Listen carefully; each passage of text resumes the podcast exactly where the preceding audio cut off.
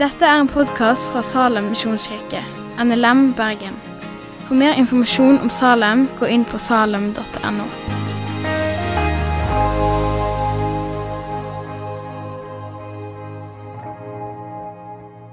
Aller først så må jeg få benytte anledningen til å takke. Takke for eh, denne uka, at jeg har fått være i Salem. Vi begynte onsdag kveld og har holdt på onsdag, torsdag, fredag og lørdag kveld med en gjennomgang av Malakis bok. Jeg ser det er noen som har dukket opp dag etter dag, så takk for at det har kommet. Og takk for at jeg fikk anledning til å være her sammen med dere denne uka. Jeg eh, vil bare kort si at etter møtet så står jeg bak i salen her. Jeg har et lite sånn bokbord med meg når jeg er rundt omkring. Og det er fordi at jeg er overbevist om at eh, det å lese gode kristne bøker, da har en stor verdi. Mange av oss har bokhyller med mange bøker, og de kan du gjerne ta og børste støv av. Men av og til så kan det være et lite påskudd hvis du har med deg en ny bok hjem og begynner å lese i den. Det er andagsbøker, det er oppbyggelige bøker, det er bibler, ja, det er litt av hvert. Så kom gjerne innom det bordet der bak hvis det ønsker det. Og Så vil jeg si én ting til, og det handler om P7. Dette her eh, mediemisjonsarbeidet som jeg er involvert i. Vi er involvert på radio, på TV og litt rundt omkring. Og Nå skal jeg gi deg et tips, og det er for neste søndag. Da er du her i salen på gudstjenester. Og Så går du hjem etterpå, og kanskje er det på bilturen da, eller i spaserturen din på vei hjem. Da må du ta og skru på P7, for da har vi en sånn P7-aksjon med spennende gjester og mulighet til å kunne være med og støtte arbeidet i P7. Så neste søndag P7-aksjon på P7. Så det er bare et lite tips hvis du lurer på hva du skal gjøre på etter gudstjenesten neste søndag. Men det er Malakis bok som eh, vi har hatt fokus på denne uka. Og det er Malakis bok vi skal bevege oss inn i nå. Overskriften for talen det er 'Trenger vi egentlig Gud?', sånn som har ble nevnt her i innledningen. Trenger vi Han egentlig? Denne veka her så har Malaki si underoverskrift i talene våre 'Vekkelsens barnebarn'. For boken er skrevet til israelsfolket et par generasjoner etter at det var gjennomgående og gjennomgripende vekkelsestid, eller fornyelsestid, i folket. De hadde vært i eksil i Babylon på 500-tallet før Kristus. Tempelet hadde blitt knust, men de får komme tilbake. De får komme tilbake til byen sin Jerusalem. Tempelet har vært gjenoppbygd. Og I Esra og Nehemjas bok og Zakaria og Haggai så kan vi se at, at det skjer en oppvåkning. Men så går det et par generasjoner. Så går det litt tid, og så er det sånn at mye av det ytre fortsatt henger ved. De har tempelet, de har ofringene. De gjør en del ting ut av plikt. Men for vekkelsens barnebarn så har egentlig hele gudsforholdet blitt mer og mer distansert. Og så er det da disse da seks konfrontasjonene handler om, da Gud setter fingeren på punkt etter punkt etter punkt på hvordan israelsfolket er i ferd med å gli bort ifra Herren. Det handler om at de ikke ser Guds kjærlighet. Det handler om at de viser forakt for han i tjenesten sin. Men egentlig bare tenke at det å tjene Gud og ha med han å gjøre er et slit. Det har å gjøre med at de har stengt enkelte områder av livet sitt og sier at her, her er det vi som skal bestemme. Knytta til seksualiteten og knytta til lommeboka. Og Nå kommer vi til denne siste konfrontasjonen. Denne siste konfrontasjonen som på mange måter kommer med en slags konklusjon på det veldig mange i Israel ser ut til å ha tenkt. For når ikke de fikk øye på Guds kjærlighet fordi de leita på feil plasser, når de syntes det var et slit å egentlig skulle følge han og tjene han, og når de opplevde at han lå seg opp i ting i livet deres som de helst ville ha for seg sjøl, trengte de da egentlig Gud? Vi skal lese dagens bibeltekst. Dagens bibeltekst som er henta fra Malakis bok, kapittel 3, og vers 13 og utover. Og Jeg håper at denne teksten kan få være med og vise for deg at ja, vi trenger Gud. Og for oss som ser det, så er det virkelig et håp. Et håp i vente. Vi leser Malaki kapittel 3. Det taler harde ord mot meg, sier Herren. Og likevel sier det, hva er det vi har sagt mot deg? Det sier det er nytteløst å tjene Gud. Hva tjener vi på å rette oss etter det Han har fastsett, og gå sørgende fram for Herren over hærskarene? Nå vil vi prise de frekke seler. Selv om de gjør urett, går det de vel. De setter Gud på prøve og slipper likevel unna.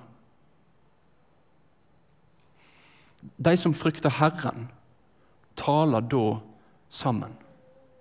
Og Herren lydde etter og hørte hva de sa. Hos han ble det skrevet ei minnebok om de som frykter Herren og ærer Hans navn. Den dagen jeg griper inn, sier Herren over hærskarene, skal de være min kostelige eiendom, og jeg vil være mild mot dem, liksom en mann er mild mot en sønn som tjener han. Da skal det atter sjå skilnad på rettferdige og urettferdige, på de som tjener Gud, og de som ikke tjener Han. Sjå, dagen kjem, han brenner som en ovn. Alle frekke og alle som gjør urett, skal da være som halm. Dagen som kjem, skal brenne deg opp, sier Herren over herskarene. Korkje rot eller grein blir att. Men for dykk som frykter for mitt navn, skal rettferdssola stå opp med lekedom under vengene sine. De skal slappe ut og hoppe som kalver. Da skal de trakke ned de urettferdige de skal være støv under føttene dykkar den dagen jeg griper inn, sier Herren over hærskarene.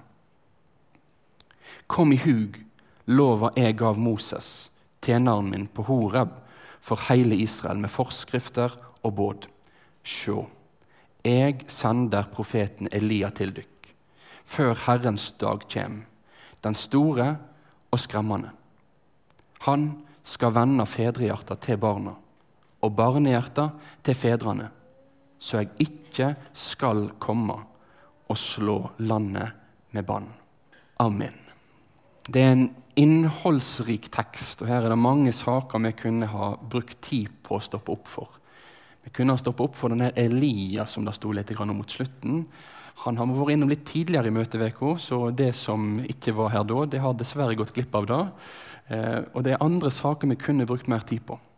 Men, men, det som vil være hovedfokus i denne talen, her nå, det er jo egentlig å beskrive de to tilnærmingene til livet som prega israelsfolket for 2400 år siden, og de to utfallene de tilnærmingene på livet da faktisk får. Trenger vi egentlig Gud? Da var det store spørsmålet.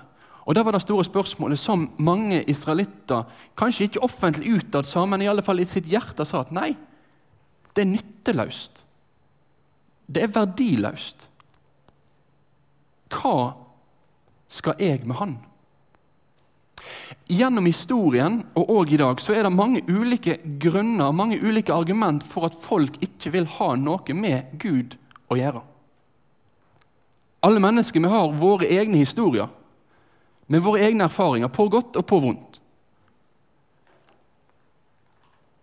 Men det vi i alle fall kan se, det er at det er tilbakevendende trekk i Bibelen, og jeg tenker òg i dag, at mange kan sitte igjen med den opplevelsen. Hva skal jeg egentlig med Gud? Trenger jeg Han? For israelsfolket så ser det nok ut til at det er noen konkrete saker som har utløst dette spørsmålet. her. Det er at De har fått en tanke inn i hodet sitt at eh, vi får som vi fortjener. Og at hvis ikke Gud da griper inn sånn som jeg tenker at jeg fortjener, så kan ikke Gud være til.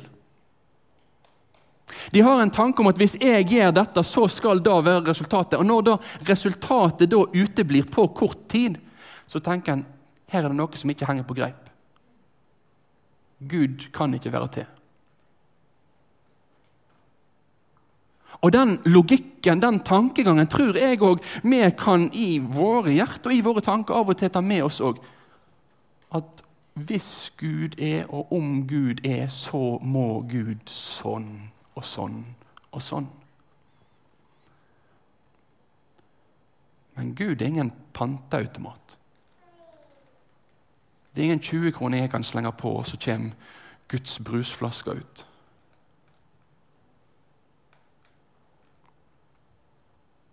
Gud er Gud. Han er til å stole på, han er trufast, han er uforanderlig. Men han er Gud. For israelsfolket så ser det ut som at det har skjedd et skifte i store deler av befolkningen, der de går over til å tenke vi trenger ikke Herren. Og kanskje du er her i dag og sitter og tenker litt av det samme. Hva skal jeg med Gud? Da vil jeg si veldig bra at du er her i dag. Og jeg håper jeg kan si litt av det som Bibelen forteller oss om hvorfor vi trenger Gud. Men samtidig så blir det i Malakis bok beskrevet at selv om folkeopinionen egentlig inntar en mer og mer kritisk holdning overfor Gud, så er det noen i folket som tenker annerledes. De aller fleste har egentlig gitt opp denne religiøsiteten. De har begynt å gi opp denne tanken om at Gud kan være til hjelp. Men det er noen som det står om her, at de, de som frykter Herren, at midt i et land preget av en retning bort fra Herren, så er det fortsatt noen som er, som, som blir beskrevet som gudfryktige. De vil ha med Gud å gjøre, de vil, de vil høre på Han. Og Sånn er det gjennom historien, og sånn er det i dag òg, at, at det går parallelle strømninger. Folkeopinion kan gå én vei, men likevel så kan det være mennesker. Og så er det mennesker i dag òg som står fortsatt og tenker jeg tror jo at Gud er til. Og For oss som bekjenner tro på Jesus Kristus som Herre og Frelser, så kan det være krevende når opinionen har svinger i Norge. Når vi er i ei etterkristen tid, der i stor grad majoriteten av den norske befolkningen har et mer kritisk blikk på en tradisjonell kristendomsforståelse, så kan det være krevende å være den som sitter igjen i nabolaget, i familien, på arbeidsplassen, i vennegjengen. Som sitter igjen og fortsatt sier vet du hva, men jeg tror at Gud er Gud. Jeg, altså. jeg tror at Gud er til. Jeg tror at Jesus er veien, sannheten og livet. Jeg tror at hans ord i Bibelen faktisk er sant og er til å stole på.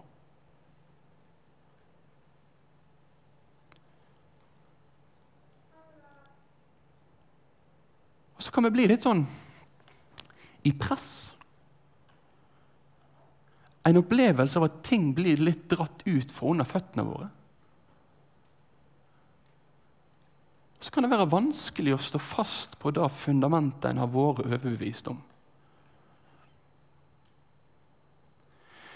Malakis bok har vært ei bok som i veldig stor grad kommer med domsord til mennesker som er på vei bort ifra Gud. Men nå avslutter denne boka her med løfte og med trøst og med oppmuntring til de som fortsatt vil leve videre sammen med Han.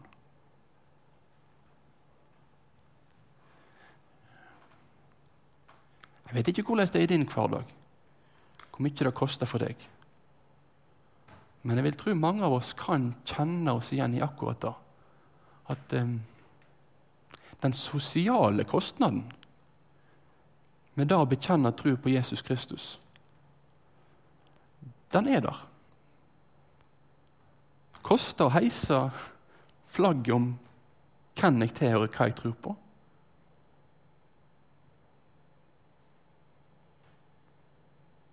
Men her står det om disse som frykter Herren, at de snakker sammen. De snakker sammen. Og da tenker jeg, Der er det sånn første skritt som denne teksten viser. Til deg, hvis du er i den situasjonen at du, det er litt mange tanker i hodet, det er my mye baller som er kasta opp. Snakk med noen. Snakk med noen likesinnede. Og på en måte så er det jo det vi gjør nå. nå. Akkurat nå snakker ikke vi så mye sammen, nå snakker jeg mest. Men, men, den kristne forsamlingen er jo en plass der vi er kalt til å komme sammen for å oppmuntre og støtte og bære hverandre. For israelsfolket, denne gudfryktige resten i Gamle testamentet, så, så, trengte de hverandre. De kunne ikke bare kjøre sitt sololøp hver for seg. De trengte noen som kunne være med og bære dem og støtte dem. De trengte noen de kunne få letta hjertet sitt for når, når ting ikke helt ga mening når det var krevende at opinionen dro i en annen retning.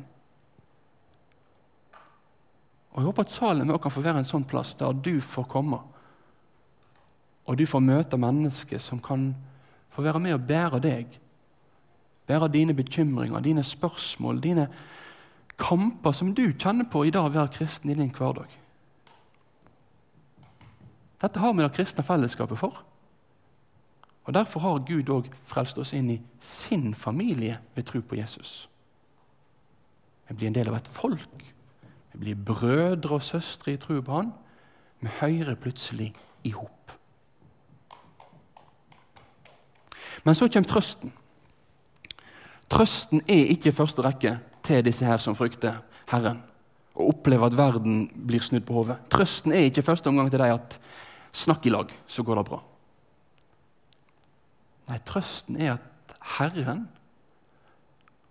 han er den som her og nå handler i det skjulte, og som en gang skal la sine handlinger skinne klart som sola. Så det er en todelt trøst. Todelt trøst til deg som tror på Jesus i dag. For det første Gud handler i det skjulte her og nå. Det sto om Herren at han hørte hvordan disse snakka sammen. Han merka seg det. Og så ble det skrevet opp ei minnebok. Det er mange ulike teorier om hva bok dette her er. Hva kan dette her være for noe? Noen har tenkt at dette her er ei bok som israelittene skriver til minne om Herren, men sånn som de fleste norske bibeløversettelser beskriver det, så er dette noe som skjer i himmelen. At Gud, han minnes disse personene. Poenget med det er å understreke at disse menneskene blir ikke glemt av Herren. I sin lidelse, i sin nød, i sin fortvilelse, så blir de ikke glemt. De er nedskrevne i Guds bok. Og Så forteller Nytestamentet oss om ei sånn bok, som blir kalt for Livets bok i Johannes' åpenbaring. Kanskje er det akkurat den boka her det er snakk om. At det handler rett og slett i korte trekk om at den som tror på Herren her og nå, den kan være viss på at 'jeg er ikke glemt av Han'. Jeg er nedskreven i Hans bok. Hans bok husker meg.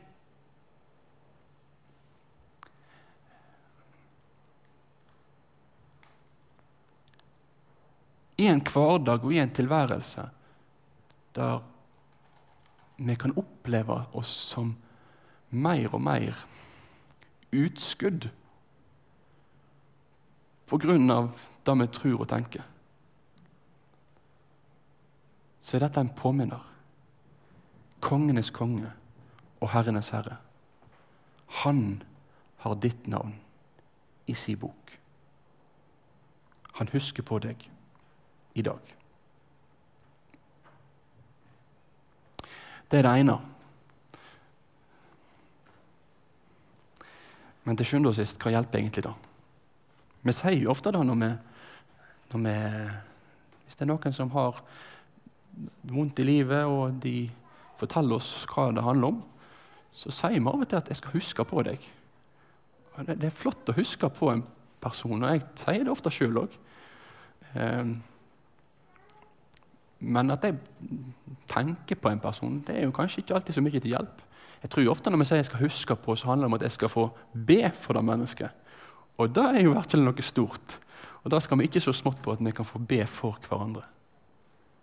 Men, men hvis Gud bare sitter i himmelen og husker på å lage en sånn minnebok der han skriver opp en haug med navn uten å gjøre noe mer, hvor mye til hjelp blir det egentlig da?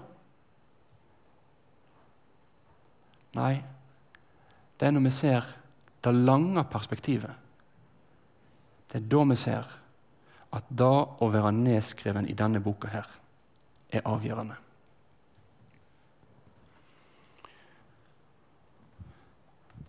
For det er der det til sjuende og sist blir gitt et svar på spørsmålet. Trenger vi egentlig Gud? Trenger vi egentlig Gud? Det er ikke et spørsmål vi kun kan besvare ut ifra dagen her og nå. Vi må se det i et lengre perspektiv. Vi må se på hvordan det går til slutt.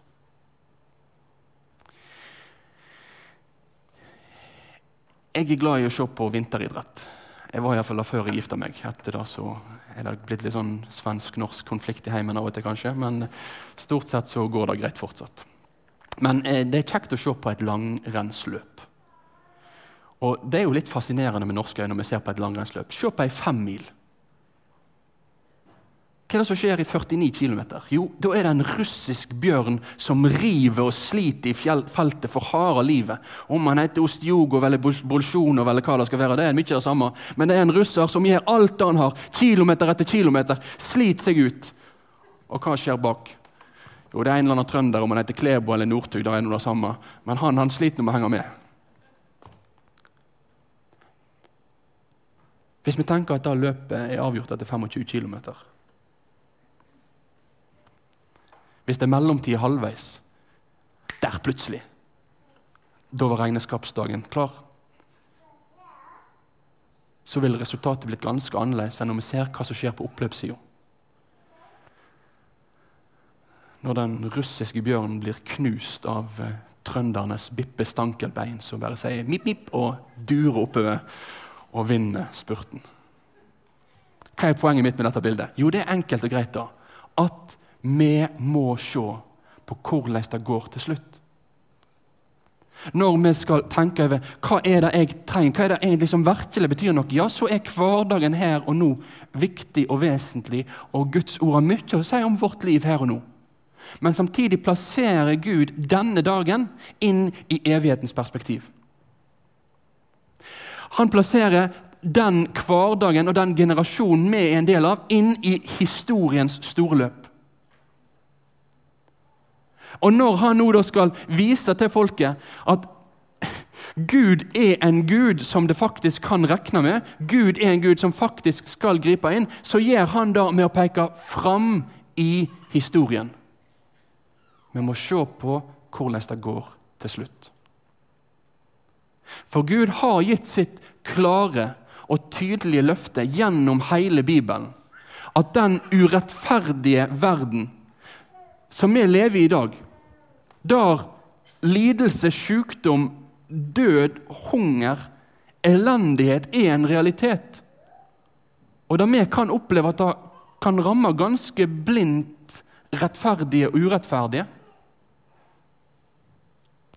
Bibelen understreker i bok etter bok for oss hvordan vi må se at det er et lengre perspektiv. Det er en Gud som en dag skal gripe inn. En Gud som en dag skal holde dum. Og Når vi hører ordet 'holde dum', så kan det lett kun gi negative konnotasjoner til oss. At Gud er en dømmende Gud, det er ikke liksom kanskje det som alltid vi snakker mest positivt om. Men dom handler både om frikjennelse og at den som er ansvarlig, må stå skyldig. Og Bibelen beskriver en dommens dag som skal komme. En dommens dag som skal komme, der Guds folk har noe herlig å se fram imot. Men de som i dette livet ender opp med å si at 'jeg trenger ikke Gud', ikke har gledelige tider i vente. Evigheten er en realitet. Og Malaki avslutter med å løfte blikket vårt. Han avslutter med å understreke det alvorlige i det at for israelsfolket og for mennesket i dag, som forkaster Herren, som sier at 'jeg ikke trenger Gud', de skal ende opp med å måtte stå ansvarlig for egen urett, for egen synd. Det skal være en dag der verken rot eller grein blir igjen. Alt sammen. Alt sammen skal bli stått til ansvar for.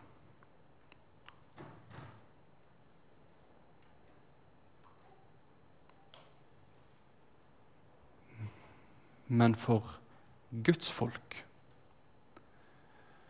For de som her i livet har fått satt sin lit til Herren, midt i alle spørsmål, midt i alle ubesvarte undringer, midt i alt som kan være krevende å forholde seg til. så er det ei herlig framtid i vente. Så står det her at den dagen jeg griper inn, sier Herren over hærskarene, skal de være min kostelige eiendom, og jeg vil være mild mot deg, liksom en mann er mild mot en sønn som tjener han. Herren skal være mild.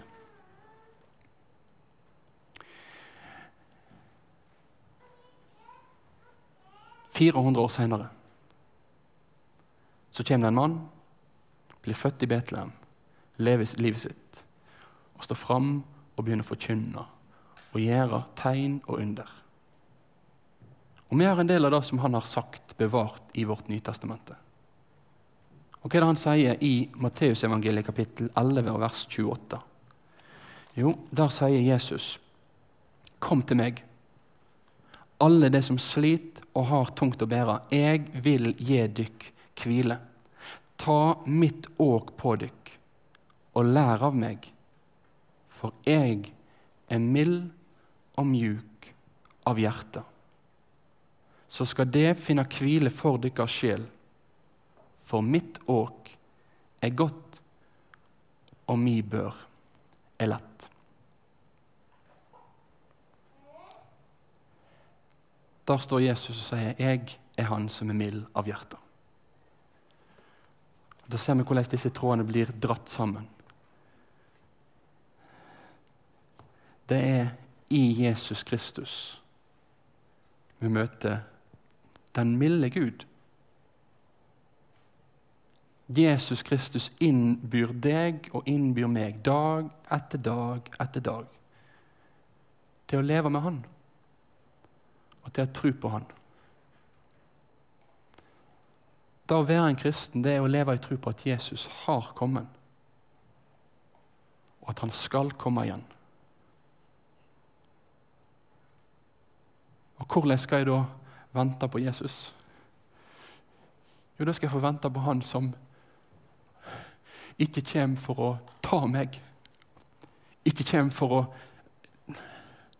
straffe meg men han som har et mildt hjerte. Mot meg som er hans. Mot deg som er hans. Så er påvente av Jesu gjenkomst ei tid der vi venter på Frelseren, redningsmannen. Han,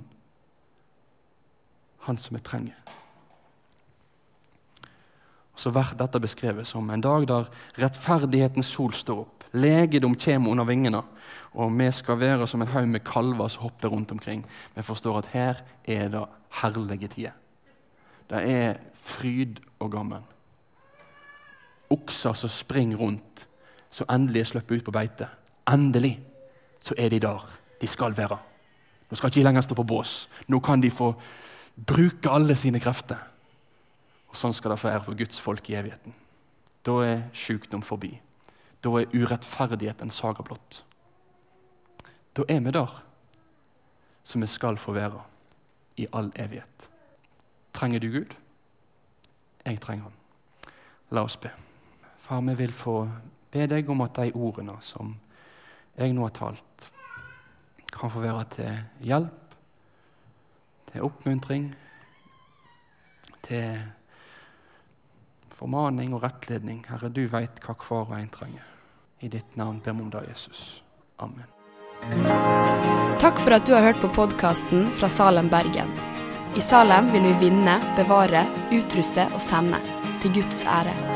Vi ønsker å se mennesker finne fellesskap, møte Jesus og bli disippelgjort her i Bergen og i resten av verden. Vil du vite mer om oss, gå inn på salem.no.